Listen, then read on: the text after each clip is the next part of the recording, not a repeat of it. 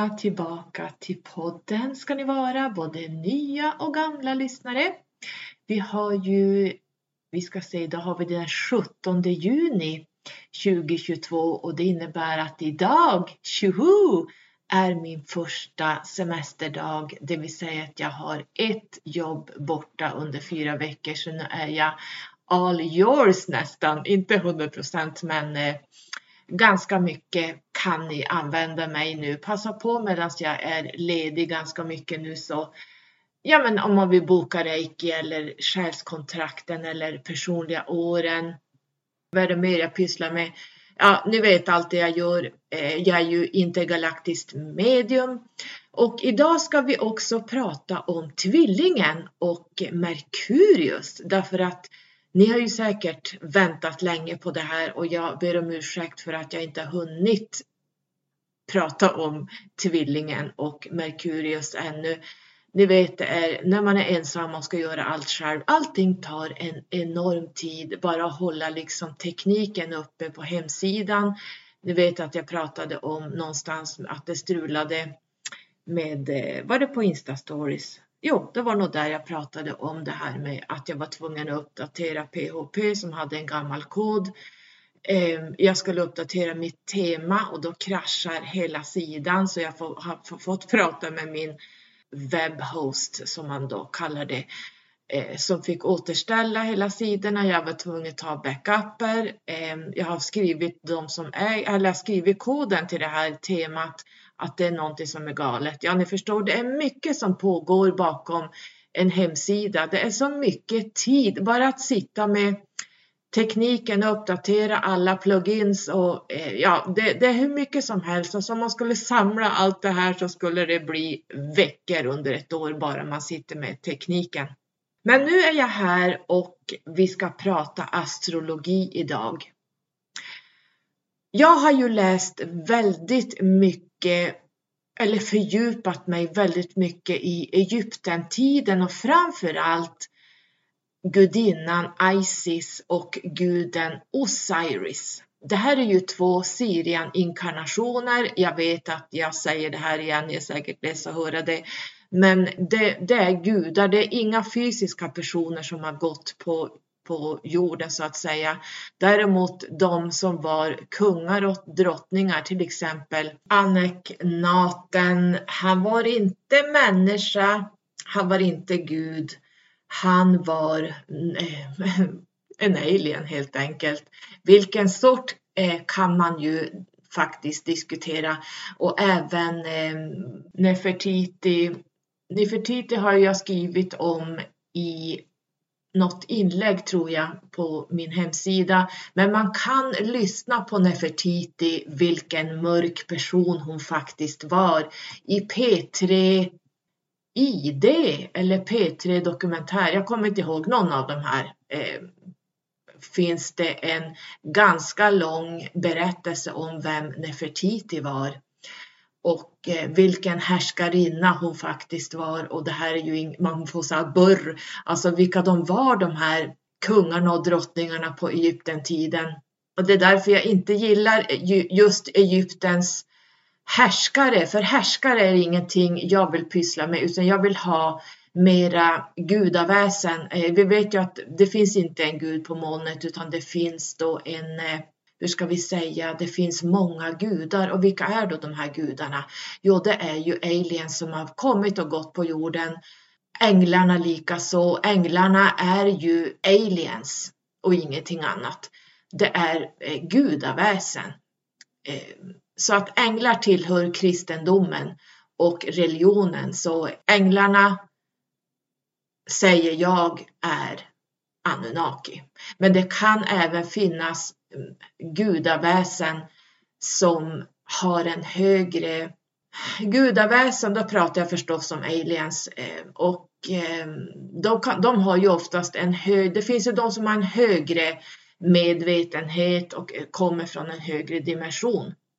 Lite guidning och så, så att eh, man måste skilja lite grann på vad som är vad här. Men jag har fördjupat mig i Isis och Osiris. Idag ska vi prata Babylonientiden astrologin från den tiden. Och jag har skrivit ner en text som handlar om tvillingen från den babyloniska astrologin. Så jag tänker vi startar upp med det. Vi börjar från scratch, för ni vet ju att i avsnittet med Susanne Divinsky som är expert på Anunnaki och Babylonienskrifterna och eh, från den tiden så berättade hon då om att de tog sig till månen och där så skapades astrologin och även de astrologiska husen. Så eh, det här avsnittet har slagit rekord. Alltså jag vet inte, jag tror sist jag såg så var det 4700 nedladdningar bara det avsnittet. Ehm, så hör du det här Susanne, ehm, håll fast dig i stolen för det här vart ett superavsnitt. Tack till alla er som är både intresserade av vårt ursprung och hur vi blev till men ehm, alla som då är intresserade av just det här med Anunnaki och Babylonientiden, Sumeriantiden, sumererna och det, det, liksom, det är mycket som startades upp här som efter tidens gång har blivit någonting helt annat. Ni vet att allting skrivs om efter tusen och tusen och tusen och tusen år. Eh, till slut är det någonting som det absolut inte var från början utan vi människor har en tendens att förmildra saker och göra saker lite trevligare, lite roligare, lite mera mänskliga som vi vill ha det, som vi vill se det och vi gör om entiteter och vi ser aliens som människoerande, alltså att de är någonstans mänskliga. Det man ska veta också är att det skelett som man hittar till exempel Ehm, jag läste någonstans att eh, det var Syrians skelett. Syrians har inget skelett därför de var inte mänskliga. Utan om man pratar humanoida skelett så har det någonstans gjorts en parning mellan typ eh, Anunnaki som faktiskt var här fysiskt och gick Eh, det har varit andra här, men de har inte ett människoskelett därför att Sirians lever på en sån hög dimension och så långt bort i galaxen att de kan inte ha människokroppar. Ni vet att Grace har ju inte, de är ju som gummi bara, det är ju så, därför att de, de, det är helt andra densiteter och andra atmosfärer utanför våra solsystem. Det är vakuum, det är liksom, det går inte att förklara hur, hur det ser ut där ute. Eh, så att de, deras kroppar är inte gjorda som människan. Så jag tror man måste sluta och tänka på att aliens har ett mänskligt perspektiv. Jag har sagt det många gånger. Eh, när jag kanaliserar Sirians, då tar jag det genom mitt filter och försöker göra det förståeligt ur ett mänskligt perspektiv, för jag kan inte vara på deras perspektiv. Alltså ni förstår, då måste jag lämna kroppen, då måste jag förbi fjärde dimensionen, femte, sjätte, sjunde, åttonde upp till nionde dimensionen. Ehm, alla som kanaliserar högre civilisationer som Sirians, eh, Plejaderna är ju fjärde dimensionen. Eh, de, har ju, de är ju mest människolika de som mer, ser mer ut som människor och de har ju då absolut, alltså ju mer lägre densitet man har och lägre nivå man kommer ifrån desto mer människolika blir de här humanoiderna. Och eh, Anunnaki likaså, de är från fjärde dimensionen och de hade då fysiska kroppar. Så plejaderna är ju en av de yngsta raserna, de har inte funnits så länge, det är därför att de har gått igenom många DNA-förändringar genom tidens tand. Så Sirians, de, de tillhör ju en väldigt developed, alltså utvecklad ras i sig som faktiskt är en av de högsta. Och vi har ju bara en procent starseeds på jorden, så det är inte så många. Och jag kan säga av en procent, alltså Syrians i en procent av det här, det, det är inte många Syrians som är här. Därför att det är en sån hög DNA-sträng så det är svårt som människa att leva upp till det här. Däremot finns det väldigt mycket plejader och det beror på att plejaderna är den fjärde, fjärde dimensionen och de har en, en ganska låg nivå av intellekt. De har ganska mer människoliknande sätt att vara och eh, leva så att säga. De är mer lik, de är mest lik människan, plejaderna. Och det är därför mm, flest av dem finns på jorden. Så de har inte så högt de har inte utvecklats så högt ännu om man jämför med Sirians. De är ju så högt upp så det, det går inte att komma högre. Och därför är det väldigt svårt som människa att återberätta kanaliseringar från Sirians därför att det ur ett mänskligt perspektiv, jag förstår det när jag, när jag liksom går ut med min kundalini och när jag liksom både är där och när jag kanaliserar dem så hamnar jag i ett annat tillstånd som är betydligt högre än min mänskliga sfär så att säga. Men när jag ska försöka återberätta en kanalisering då blir det naturligtvis ur ett mänskligt perspektiv. Jag vet inte hur jag ska förklara det här, men man kan inte återskapa nionde dimensionens entiteter eh, eh, på ett mänskligt eh, intellektuellt plan. Du får vara Einstein om du vill eller den supersmartaste människan. Det går inte därför att det, det, är så, det är så högt så att en människa förstår inte riktigt den här intelligensen och det här det, det, där de befinner sig. Så därför är det mest plejader här nere som har ett lägre intellekt. De har inte hunnit så långt i sin utveckling om vi säger så. Oj vad jag pratar här, men eh, nu ska vi gå in i de här texterna kring sumererna, Babylonientiden eh, och astrologin kring just tvillingen. Välkomna in!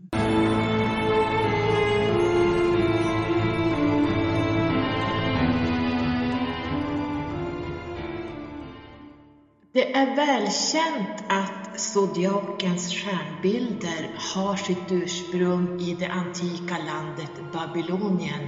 Det är alltså dagens Irak.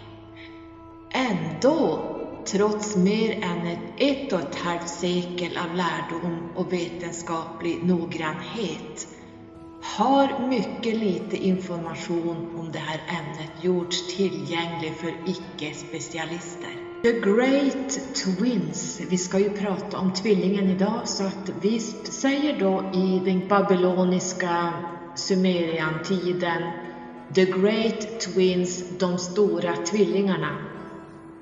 Och i Babylonien var zodiakkonstellationen tvillingen, eller tvillingarna, känd som de stora tvillingarna och eh, liksom deras grekiska motsvarigheter då. Eh, Dioskuri avbildades de babyloniska tvillingarna som ett par krigare som var beväpnade till svärdsfästet, alltså där man hade eh, svärdet hängandes då. En ny assyrisk text beskriver deras konstellationsfigurer som två skäggiga män. Då tänker ni direkt, ah, det där låter som Anunnaki och det Susanne Lewinsky pratade om och jag har ju pratat om Anunnaki tidigare och skrivit om dem väldigt mycket på mina artiklar. Men eh, då, där beskriver man dem, de här tvillingarna som två skäggiga män. Och den främre tvillingen bär ett vapen som kallas hinsu och det är möjligen en typ av en spira och i sin högre, alltså han hade det då i sin högra hand medan den bakre tvillingen bär en yxa i sin vänstra hand. Och de här stora tvillingarnas krigsliknande natur eh, skildras livfullt genom hela huvudmassan av himmelska omen. Och då säger man så här, om Venus står mellan de stora tvillingarna så kommer landet att bli helt fientligt. Om Mars närmar sig tvillingarna så kommer prinsen att dö och fientligheter kommer att uppstå.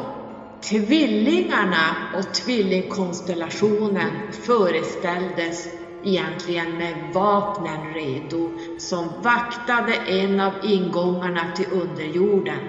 I babylonsk tradition finns det faktiskt två ingångar till underjorden där var och en är förknippad med en av de här solstånden. Vintertidsingången används främst av disinkarnerade själar som reser till livet efter detta, men sommarentrén som ligger i regionen Krabban som vi säger då kräfta. Kräftan ser faktiskt ut som en krabba. Eh, jag tror jag ska börja säga krabban. Eh, kräftan då används av förfädernas andar när de återvänder till jorden för att besöka sina familjehem för den stora förfädersfestivalen som firas i månad 5. Kräftan som ni vet är ju sommarentrén där nyfödda bebisars själar använder för att komma in i människans värld. Jag brukar säga att kräftan är krabban, kräftan, är zodiakens moder. Egentligen så, sta, jag sa det nog någonstans i något avsnitt, att egentligen är kräftan zodiakens start. Och det kommer från den här tiden, Babylonien-tiden, eller Sumerien-tiden. Och eh, även har vi det cosmic, cosmic, eh, jag kan inte prata, egg här. Kräftan är en gateway där människan inkarnerar ifrån och stenbocken, det vill säga Winter Solstice, eh, där stenbocken Capricorn är en gateway av gudar, alltså en God gateway, en gateway of the gods där vi äntrar ut. Så kräftan är en, en sommarsolstis där vi går in i, i en inkarnation i människans värld och Capricorn, stenbocken, är gateway av, eh, av the gods där vi äntrar ut. Och det här stämmer väldigt bra med kabbalan där vi har Saturnus på vänster sida för att ta sig upp tillbaka till Keter. Alltså Saturnus, det vill säga eh, Bina, är direkt underställd Keter-anden. Så det stämmer att när man tar sig förbi Eh, Saturnus bina, då går du tillbaka till the gods där vi äntrar ut, det vill säga anden. Tvillingarna vaktar förmodligen den här ingången för att förhindra intrång av onda demoner som ibland sades då att använda den här utomjordiska portalen för att föra pest och sjukdomar till mänskligheten. Namnet på The Big Twins är skrivet Mul Mastab Ba Galgal. Alltså Mul Mastab Ba Galgal. The Big Twins, alltså de stora tvillingarna, är kända som Tu Amu Rabutu på akadiska. Det sumeriska ordet mas betyder faktiskt tvilling eller följeslagare och har också kommit in på akadiska som masu. På sumeriska kan tvilling förmedlas enbart med mastecknet, men ofta skrivs tvilling i en längre form som mastaba. Eftersom en ett oberoende tecken, tab, betecknar en följeslagare eller en partner Alltså nu ser vi de här tvillingarna då som eh, följeslagare eller partner, det är två stycken. Så kan idén om tvillingarna mer bokstavligt översättas som de två följeslagarna. Det är inte känt vad galltecknet faktiskt avbildar. Förslagen inkluderar en krona eller en huvudbonad av något slag. Tecknet används ofta för att betyda framstående eller stor och i kilskriftssystemet fördubblas det slutgiltiga, eller slutliga adjektivet gal ofta för att indikera pluralitet. Så om vi stannar där att det eh, galltecknet inkluderar en krona eller huvudbonad. Corona betyder krona, kronan på verket vi har. Därför att tvillingen kommer med pest, torka och eh, eh epidemier. Jag har hoppat över de texterna, men, men det är därför man, man pratar om det här. Eh, och där kommer alltså corona in också. Även om tvillingarna är gudar i sin egen rätt så är de båda ofta identifierade med någon som heter Nergal och det är underjordens herre. Vi kan säga han är du musi, D-U-M-U-Z-I på sumeriska betyder han en riktig son. På akadiska så säger man Tammuz, T-A-M-M-U-Z. Och det var en vegetations och hedegud i sumerisk mytologi. Han var make eller älskarinna till fruktbarhetsguden Inanna, och ni vet hur hon ser ut. Den varmaste sommarmånaden uppkallades efter honom. Sumeriska myter berättar om hans död och vistelse i underjorden, vilket illustrerar årstidernas växlingar. Dumuzi och Inanna kallades senare för Tammuz och Ishtar och blev vid en ännu senare tidpunkt förebilden för Adonis och Afrodite som vi känner till i grekiska mytologin och som bringar död till människan genom de kombinerade organen av krig, svält och pest. Så det här är vad tvillingen då eh, består av, eller ger så att säga enligt då eh, sumererna och även grekerna. Faktum är att namnen på de stora tvillingarna helt enkelt avslöjar två aspekter av den här Nergals karaktär.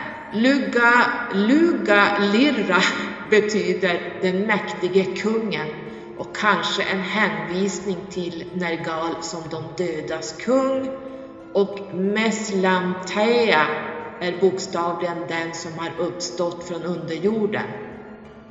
Identiteten för Nergal och Meslatea bekräftas visuellt på rättighetsstenar där Meslatea kan representeras av den dubbelhövdade lejonstaven som vanligtvis betraktas som en av Nergals primära symboler. Tvillingarnas nära släktskap med Nergal är kortfattat uttryckt i astrologitexter om tvillingen reser sig så slukas den av sjukdom, sjukdomsguden Nergal.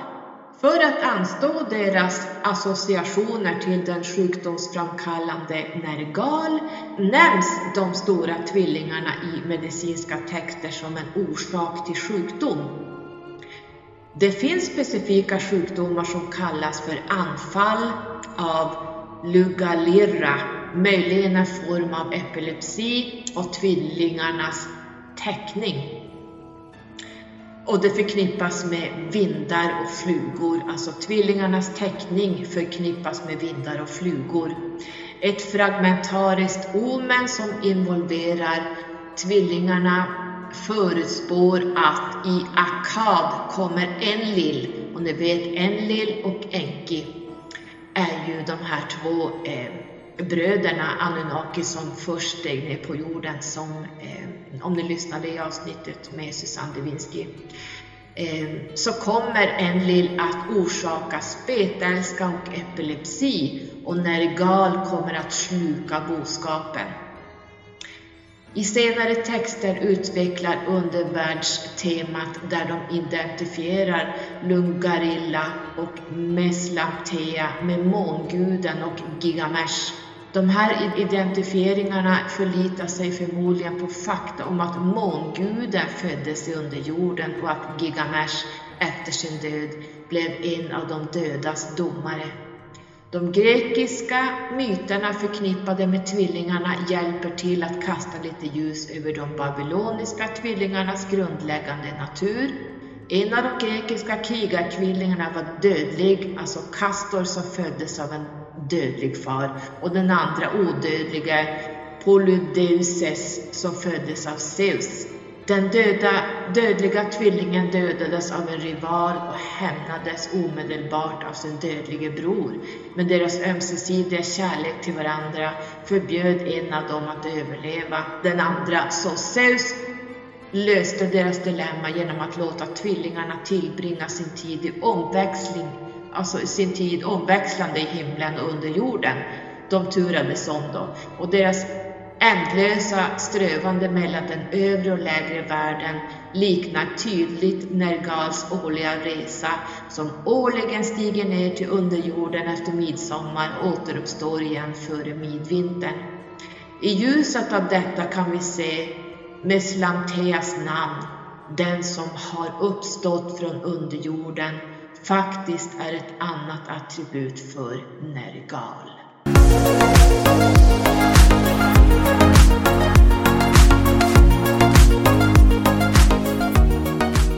Merkurius Mercury, den lilla planeten som snurrar ganska fort runt solen. Den står ju närmast solen och efter Merkurius kommer ju då Venus och sen kommer jorden och sen kommer Mars. Ja, ni kan de här.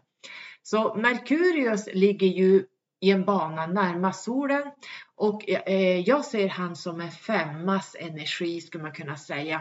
Det är mycket snabba saker och förändringar som händer här så du hinner inte, alltså om du bor med en femma eller har en femma, då är du förmodligen, har du jungfrun någonstans eller så har du tvillingen någonstans. Så Merkurius är väldigt snabb och femman är ju också väldigt snabb. Energi av intellekt ger Merkurius. Hur vi tänker. Det handlar om mindet här.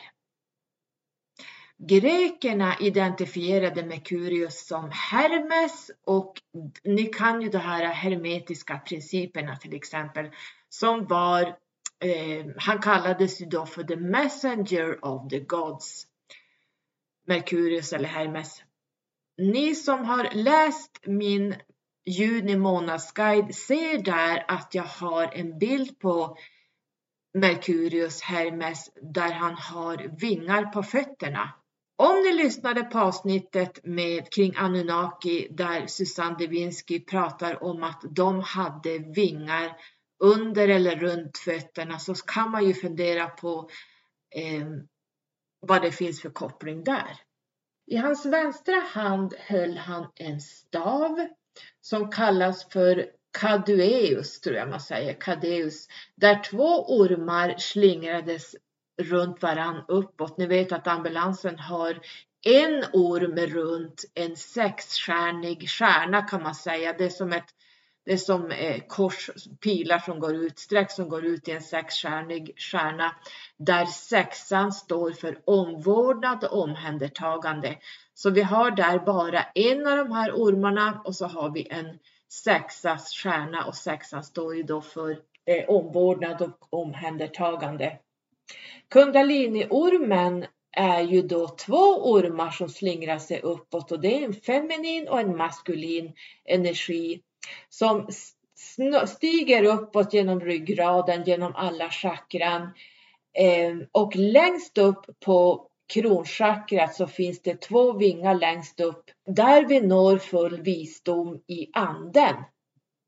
Det är inte många som får en fullblom kundalini för att det vet man om man har fått det. Då kan man bli, alltså då, då blir du ett med, med universum, du blir ett med kosmos, du blir ett med anden, du går helt in i anden, du, går, du, du blir ett med väggen, du kan gå i, alltså det blir, det går inte att förklara. Så att det är många som kanske får kundalini-känningar, att, man, att det reser sig från eh, baschakrat genom sakralchakrat upp till solarplexus och får en liten energikick därigenom. Men att få en full blom, då ser man även ormen som går ut genom tredje ögat och sen vänder den sig och tittar tillbaka på dig och sen får du även en, en upplysning uppåt och det är inte många som har kronchakrat öppet. Alltså det, det undrar om man kan räkna det på sina fem fingrar hur många som har kronchakrat öppet för att det krävs en full blom kundalini och det krävs,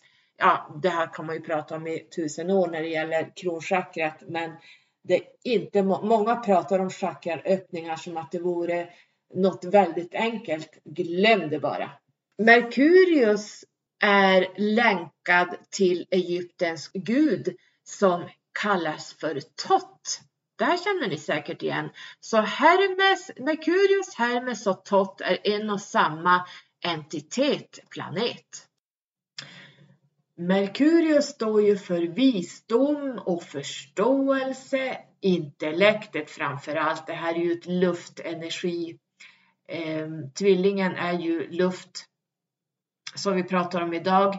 Medan jungfrun är, som också styrs av Merkurius, är ju ett jordtecken. Så att jag tror att Merkurius som gärna vill färdas väldigt snabbt trivs bäst i tvillingen som jag sa i något annat avsnitt. Han styr talet och den sanna visdomen. Han styr materiella transaktioner och övergångar, utbyten och byteshandel. Merkurius som namn härrör eh, market, alltså mercatus, mercatus och commerce, engelskans commerce som står då för kommersium, kommersium. Så att eh, Merkurius styr ju framförallt det här snabba talet och tänket och intellektet. Eh, han eh, backar ju tre gånger per år och då kallas det för Merkurius i retrograd. Alla planeter går ju i retrograd och eh, Merkurius gör det hela tre gånger per år. Vi har precis gått ur från en sån. Jag vet inte om han är kvar i skuggan ännu, eh, men han eh, börjar ju då få upp farten nu i alla fall så att han går åt rätt håll. Och när Merkurius är i retrograd, då strular alla de här sakerna. All teknologi strular. Har du suttit och skrivit någonting på 50 sidor, säg att jag har suttit och skrivit, jag har varit med om det här. Jag har suttit och skrivit 30, jag hade kommit till 30 sidor på ett chefskontrakt. Helt plötsligt så bara bam stängs allt ner. Allt bara försvinner. Det gick inte att hämta tillbaka de här sidorna. Vet ni hur många timmar jag hade suttit med det här? Så eh, ja, så det var bara att börja om från början. Så kul är det. Eh, Merkurius eh, ser till att datorerna börjar strula, tekniken strular, eh, telefonerna slutar funka, internet blir helt galet ibland. Eh, det kan vara ditt tal, du säger saker som du inte ska säga, du skickar fel mail till folk, du eh, skickar fel ja, men på vad heter det, meddelanden på Messenger till exempel så gör du saker, du, de blir helt tokiga, det hamnar på fel ställen eller så kommer det inte iväg överhuvudtaget. Resor blir inställda, biljetter försvinner. Eh, ja, the list goes on. Allting strular här vad gäller kommunikation, eh, trading, eh, ja, allt som har med internet att göra och bilar och allt, allt med, som har elektricitet och allt som har med ja, men eh, det här uppkopplade vi har idag, det vi lever i internet och hela den grejen kan bli totalt galet. Så att eh, Merkurius i retrograd, då ska man verkligen, eh, man ska inte skriva på kontrakt här heller för att det kan bli helt galet. Så att ni vet att jag skulle uppdatera min PHP. Jag hade en föråldrad kod på min Wordpress och den har ju stått länge. Så jag tänkte, jag började med det här och sen var det någon röst som sa det är Merkurius retrograd Carola. Shit, jag släppte tangentbordet. Hur mycket har jag gjort? Vad har jag gjort? Har jag gjort någonting? Hjälp! jag tänker nu kraschar allting.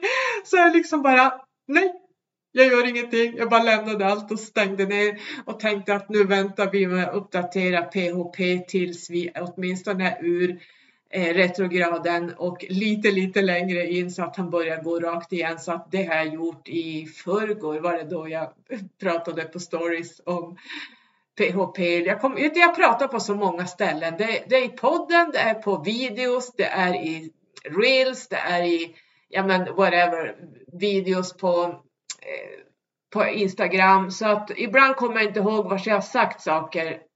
Men eh, någonstans sa jag det att jag har uppdaterat PHP, att jag inte tordes göra det under Merkurius retrograd och det tror jag var ganska klokt för vad hade hänt? Jag törs inte ens tänka på det. Men ett litet observandum, det behöver inte bli så jävligt som man tror därför att du kan vara född med Merkurius retrograd och då blir det inte riktigt, då kan det bli en fördel. Så att eh, titta om du är född i, retro, i Merkurius retrograd eller inte för att det är inte säkert att Merkurius retrograder påverkar dig så mycket om du är född i retrograd. Då förlöper livet lite som det brukar, som jag ser det i alla fall. Så jag tänker inte dra så mycket mer om Merkurius, men man ska fundera lite grann på var har du honom i ditt horoskop? Jag tycker Merkurius är väldigt viktig att titta var han ligger någonstans. hur kommunicerar du? Hur fungerar ditt intellekt? Eh, vilket hus ligger han?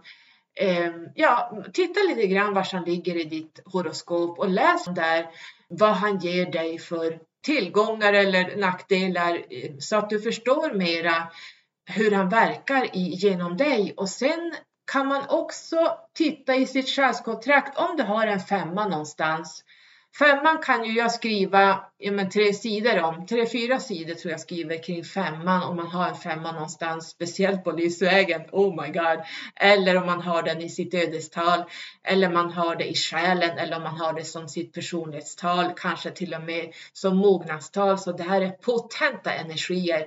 De här människorna, har du en femma i din familj eller är en femma, då vet ni att det är fullt ös medvetslös Eh, femmans energier är ju föränderlig. Det bara blåser åt ena hållet ena sekunden och nästa är det något annat. Så att jag skriver ganska mycket kring femman som eh, påminner lite grann om Merkurius men eh, Numerologin är betydligt mer vetenskaplig och numerologin sätter fingret på vad det är som de energierna man har så att säga. Så att välkommen med ett själskontrakt om du vill veta lite mera kring vad du har för energier.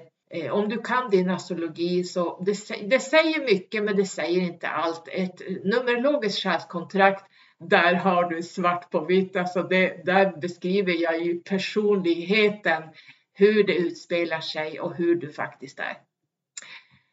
Så jag tänker vi lämnar Merkurius och så går vi in i tvillingen som han styr. Vi är ju inne i tvillingens period.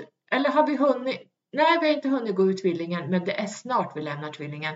Så jag ska skynda mig att vi går in och pratar om tvillingen.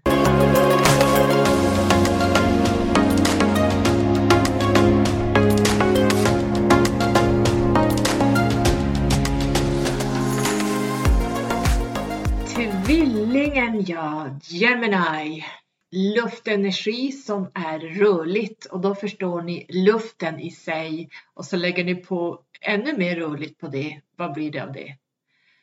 En virvelvind eller en tornado eller vad ska vi kalla det? Det är splittrat åt alla håll. Jag brukar säga att tvillingen liknar trean ganska mycket. Ehm, trean håller på med kommunikation, väldigt kreativa, väldigt pratiga, väldigt skrivande, konstnärliga. Där så kan jag känna att de liknar varandra ganska mycket. En obalanserad trea kan vara splittrad också så att det är väldigt likt trean så so far so good så stämmer Merkurius liknar femman lite grann och trean liknar tvillingen lite grann. Inte hela vägen, men dock. Så där har vi lite connection och då blir man lite glad så här bara wohoho. Och ni som eh, håller på med astrologi, ni kan då känna att ah, Gemini, tvillingen är ju tänkarna. Det är ju luft. Det är ju sinnet. Det är att prata på ut och inandningen. Det är nonstop det pratas. Det är intellektuellt, de är ja-sägare, de är spontana, de är intensiva och de är nyfikna.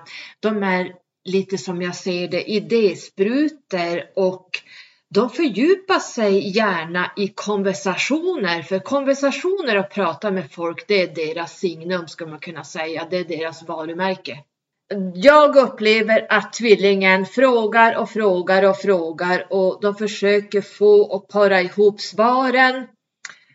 Ehm, de vill gärna kommunicera med så många som möjligt och gärna på samma gång. Och de klarar av det här, de har kapaciteten det och det blir lite, det blir splittrat här att hålla 75 bollar uppe i luften. De vänder gärna sanningarna upp och ner samt så vill de gärna förändra sinnen, det vill säga minds på människor. De vill gärna göra det. Ehm, de är rastlösa gällande saker från person till person eller saken som sådan. Eh, jag upplever, nu har inte jag haft så många tvillingar i min närhet, men jag har dejtat en kille under nästan ett år som var tvilling. Han var master 33. Åh herregud! Och sen var han tvilling på det. Så ni förstår ju, alltså jag fick sår i öronen.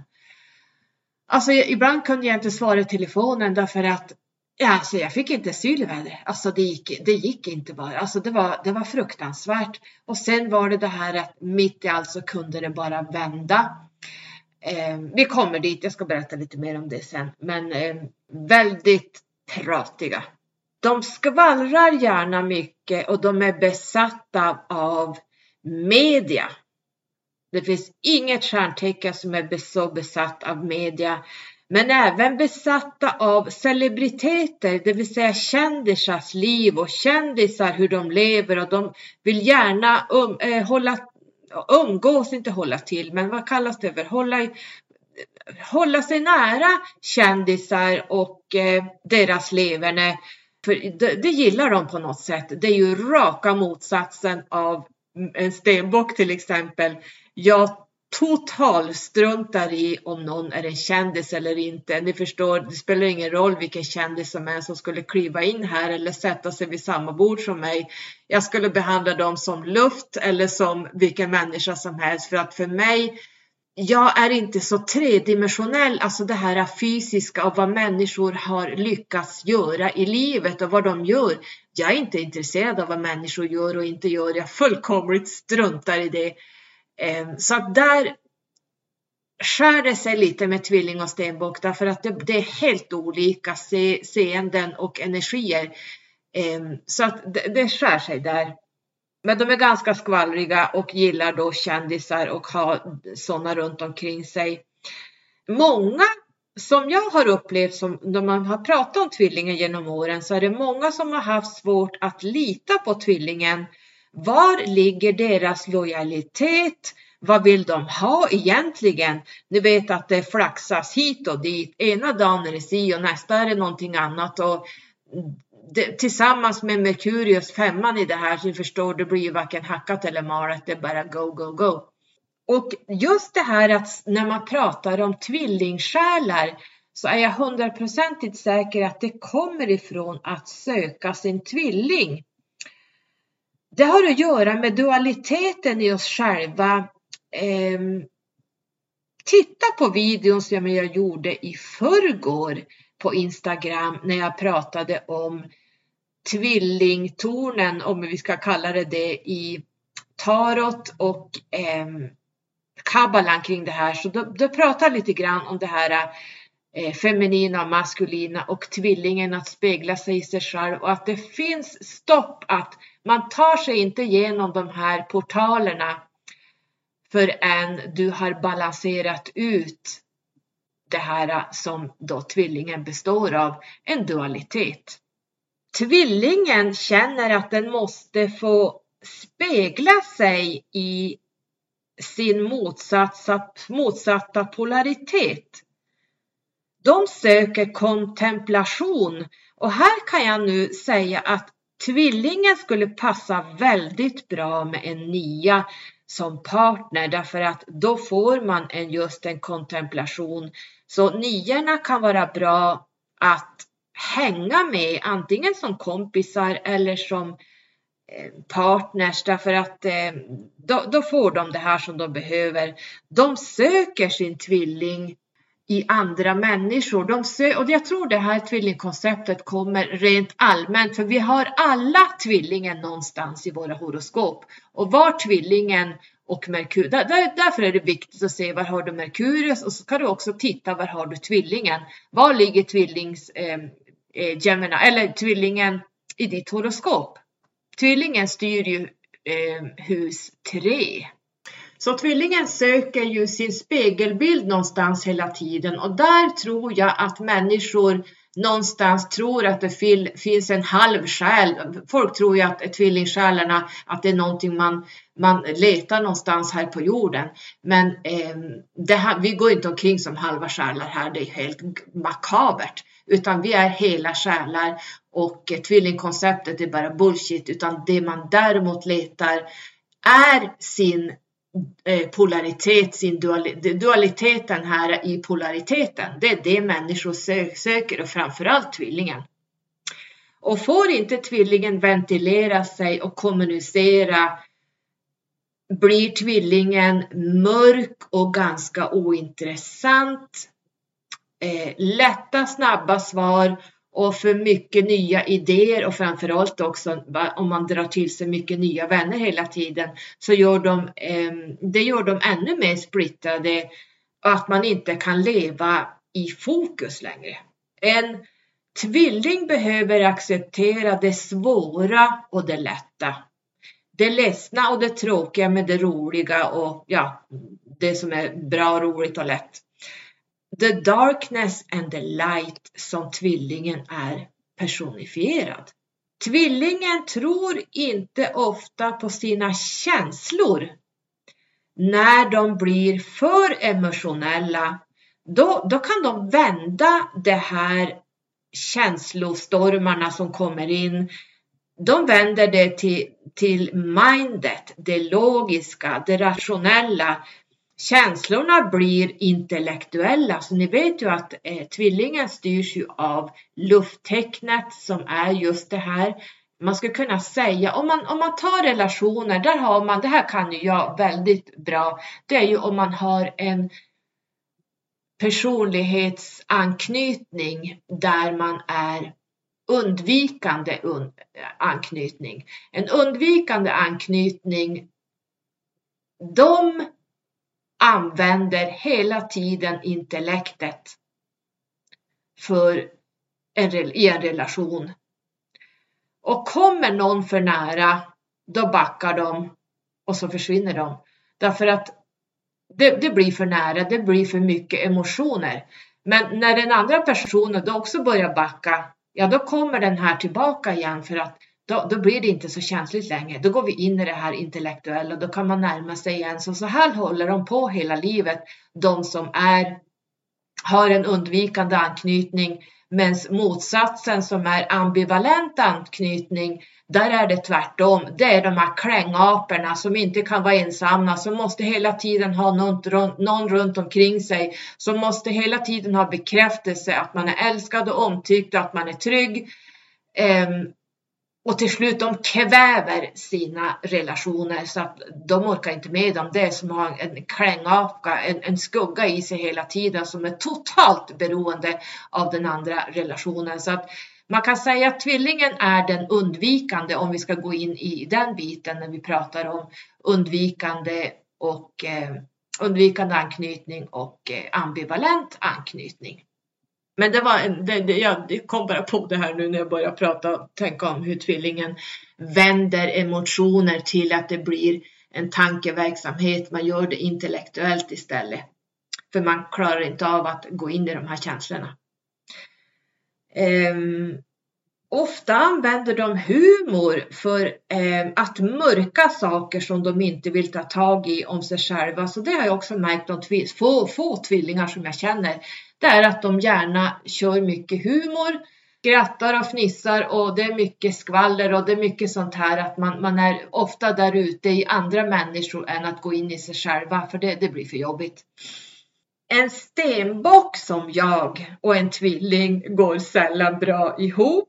Det kan jag ju skriva under för att stenbocken vill ha ordning och reda, stabilitet, lojalitet, rutiner, framförallt ansvar eh, och jobbar med långa, kanske livslånga mål medan tvillingen inte besitter någonting av det jag har räknat upp här.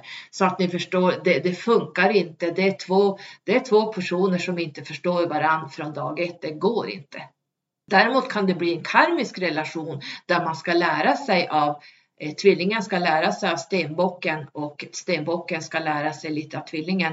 Men det slutar i, i eh, separation hur som helst. Men det är så här eh, karmiska relationer kommer upp. Det blir en sån sugning att man suger in i den här personen. Du kan inte kliva undan. Du måste bara ha den här personen oavsett om det, du vet att det här går inte jag vet till exempel, jag kan inte vara tillsammans med en tvilling. Det går inte. Men ibland så om det är så att jag har någon relationskarma eller något karma jag ska lära mig eller någon, någon skuld som eh, jag måste ta tag i. Så då vet jag, okej, okay, jag ska gå in och lära mig det här. Det var så jag gjorde med den här narcissisten. Hela mitt väsen skrek nej, det kommer gå käpprätt åt helvete och det gjorde det. Det slutade på kvinnojouren. Det var fruktansvärt, men jag visste ändå att jag måste göra den här läxan. Jag måste verkligen lära mig en gång för alla. Så, så blev det så att eh, eh jag visste att jag, jag skulle in i det här så att säga. Men det slutar ju i crash, burn and learn. För er som har 16 sjuorna som skuld. nu kanske ni hör en HD här ute. Oh, oh, oh. Hör ni bullret? Det låter som min gamla bil. Jag hade en Jeep Grand Cherokee V8 5,2 liters. Han lät ungefär 10 gånger det här ljudet. Jag vet inte om, om ni hör det, men det låter då här i min, genom jag har dörren öppen. Eh, jo, jag skulle också säga det att jag hade en gång en kompis, jag kom på det här nu, att jag hade en kompis som var kräfta. Och det är ju stenbockens motsats och det gick väl sådär bra. Men jag kände inte att hon var en... Ja, hon är jättemycket kräfta.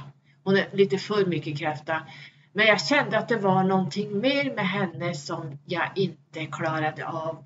Och det visade sig att jag hade rätt där. Hon hade en tvillingascendent.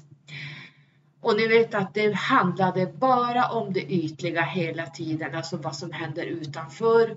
Man skulle, det, det är bara liksom hänga på uteserveringar, gå ut på nattklubbar, gå ut på krogen, eh, umgås, umgås, umgås. Och, men hon hade jobbat en hel dag så var det liksom direkt hon kom hem så var det bara ja, men in på en eh, uteservering eller knappt, hon, jag vet inte om hon hann hem ibland, men det var, det, det var för mycket av det här sällskapliga, att hänga på, ja men sen det här fota, fota, fota, fota vad man äter och fota vars man är, filma där man är, eh, hänga med, om man såg någon kändis eller någon person som då var av värde i de här tvillingarnas ögon, att man, man tycker det är coolt med kändisar och prata med dem och synas med dem. Och det var mycket ehm, eh, vin, champagneglasbilder, eh, eh, Eh, ja, men sitta ute varenda gång man satt på restaurang i princip och sånt här gör ju att jag ser rött. Jag klarade inte av det här för hon ville ha med mig hela tiden ut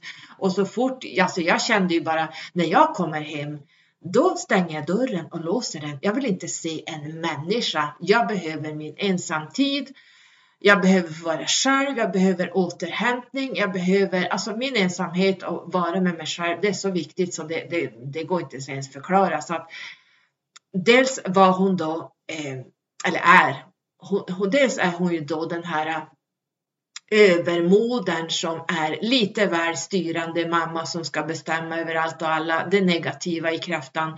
Och sen då tvillingascendenten jag klarade inte av det här. Det gick inte så att ni förstår tvilling och motsats, alltså stenbockens motsats då kräftan, krabban som jag pratade om tidigare.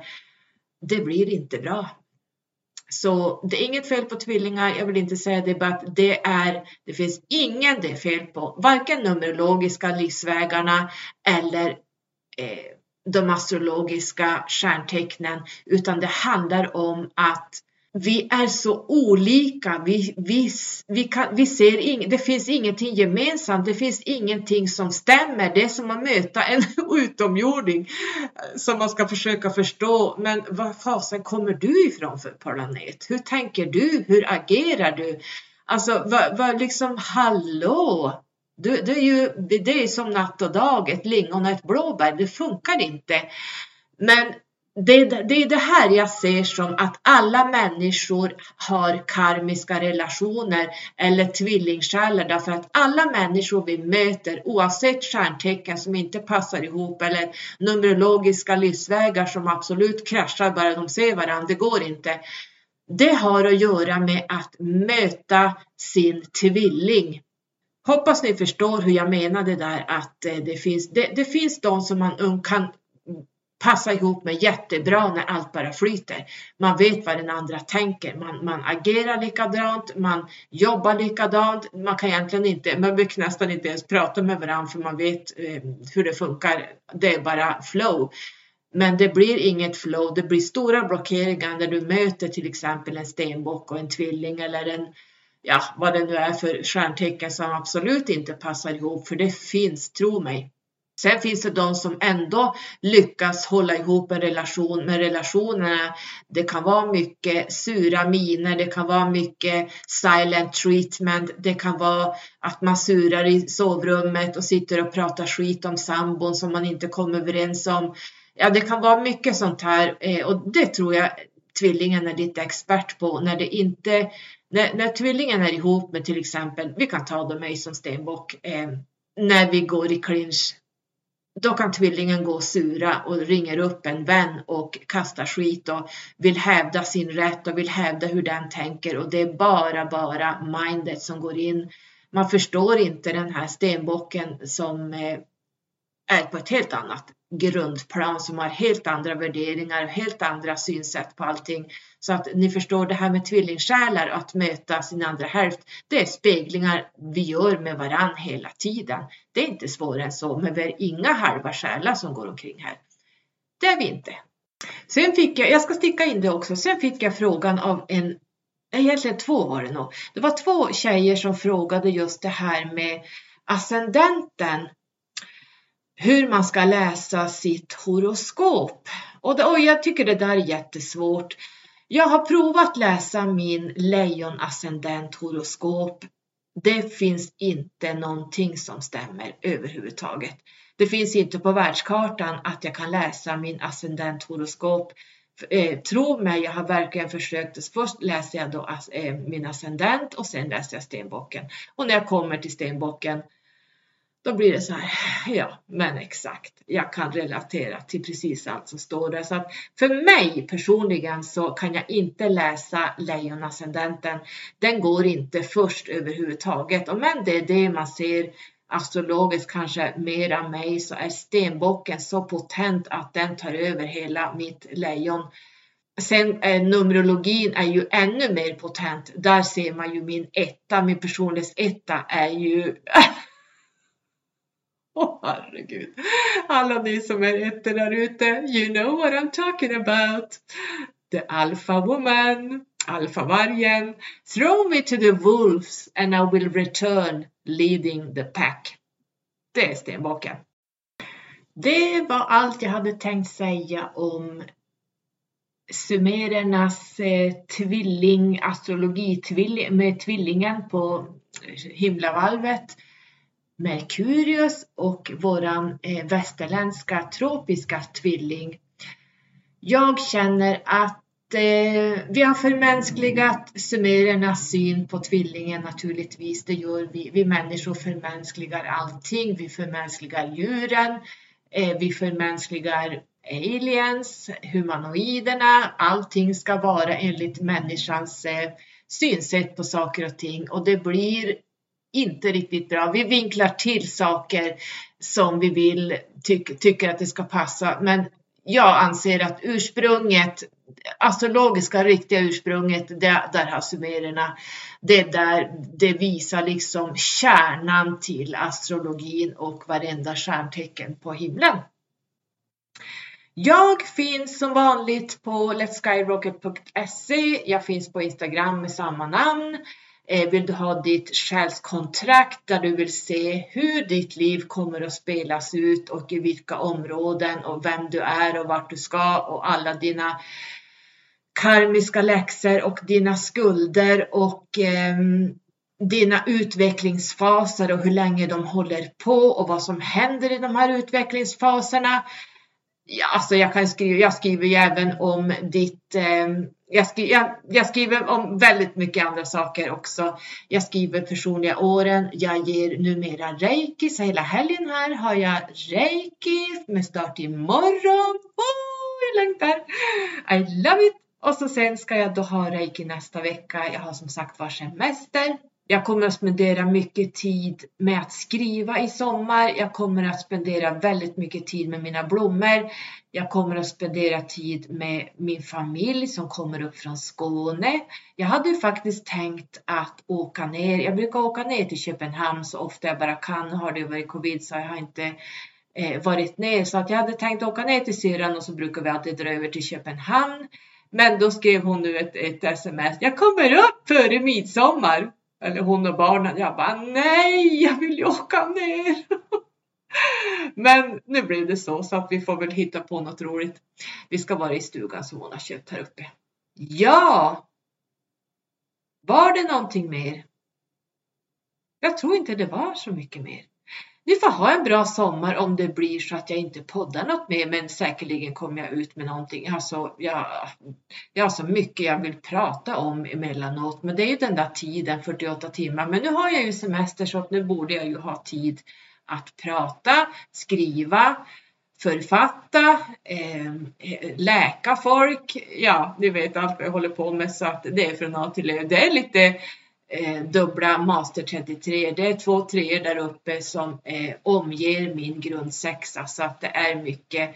Egentligen så är det lite eh, det jag pratat om kring trean. Eh, det är mycket pratande, det är mycket att komma ut med information, det är mycket lärande, att lära andra. Eh, det är mycket skrivande, kreativitet. Kreativiteten sitter ju också i sexan. Det, ja, ni förstår det, det tar aldrig slut. Egentligen så är vi människor Ja, men vi är ju hur många delar som helst och vilken del är mest potent? Det är lite olika tror jag. Det där får du titta lite grann. Vilken del av dig i själskontraktet är mest potent? Och vilken del i din astrologi är mest potent? Det får du som läxa i sommar att ta reda på. Ha det så bra hörni och puss och kram! Hej då!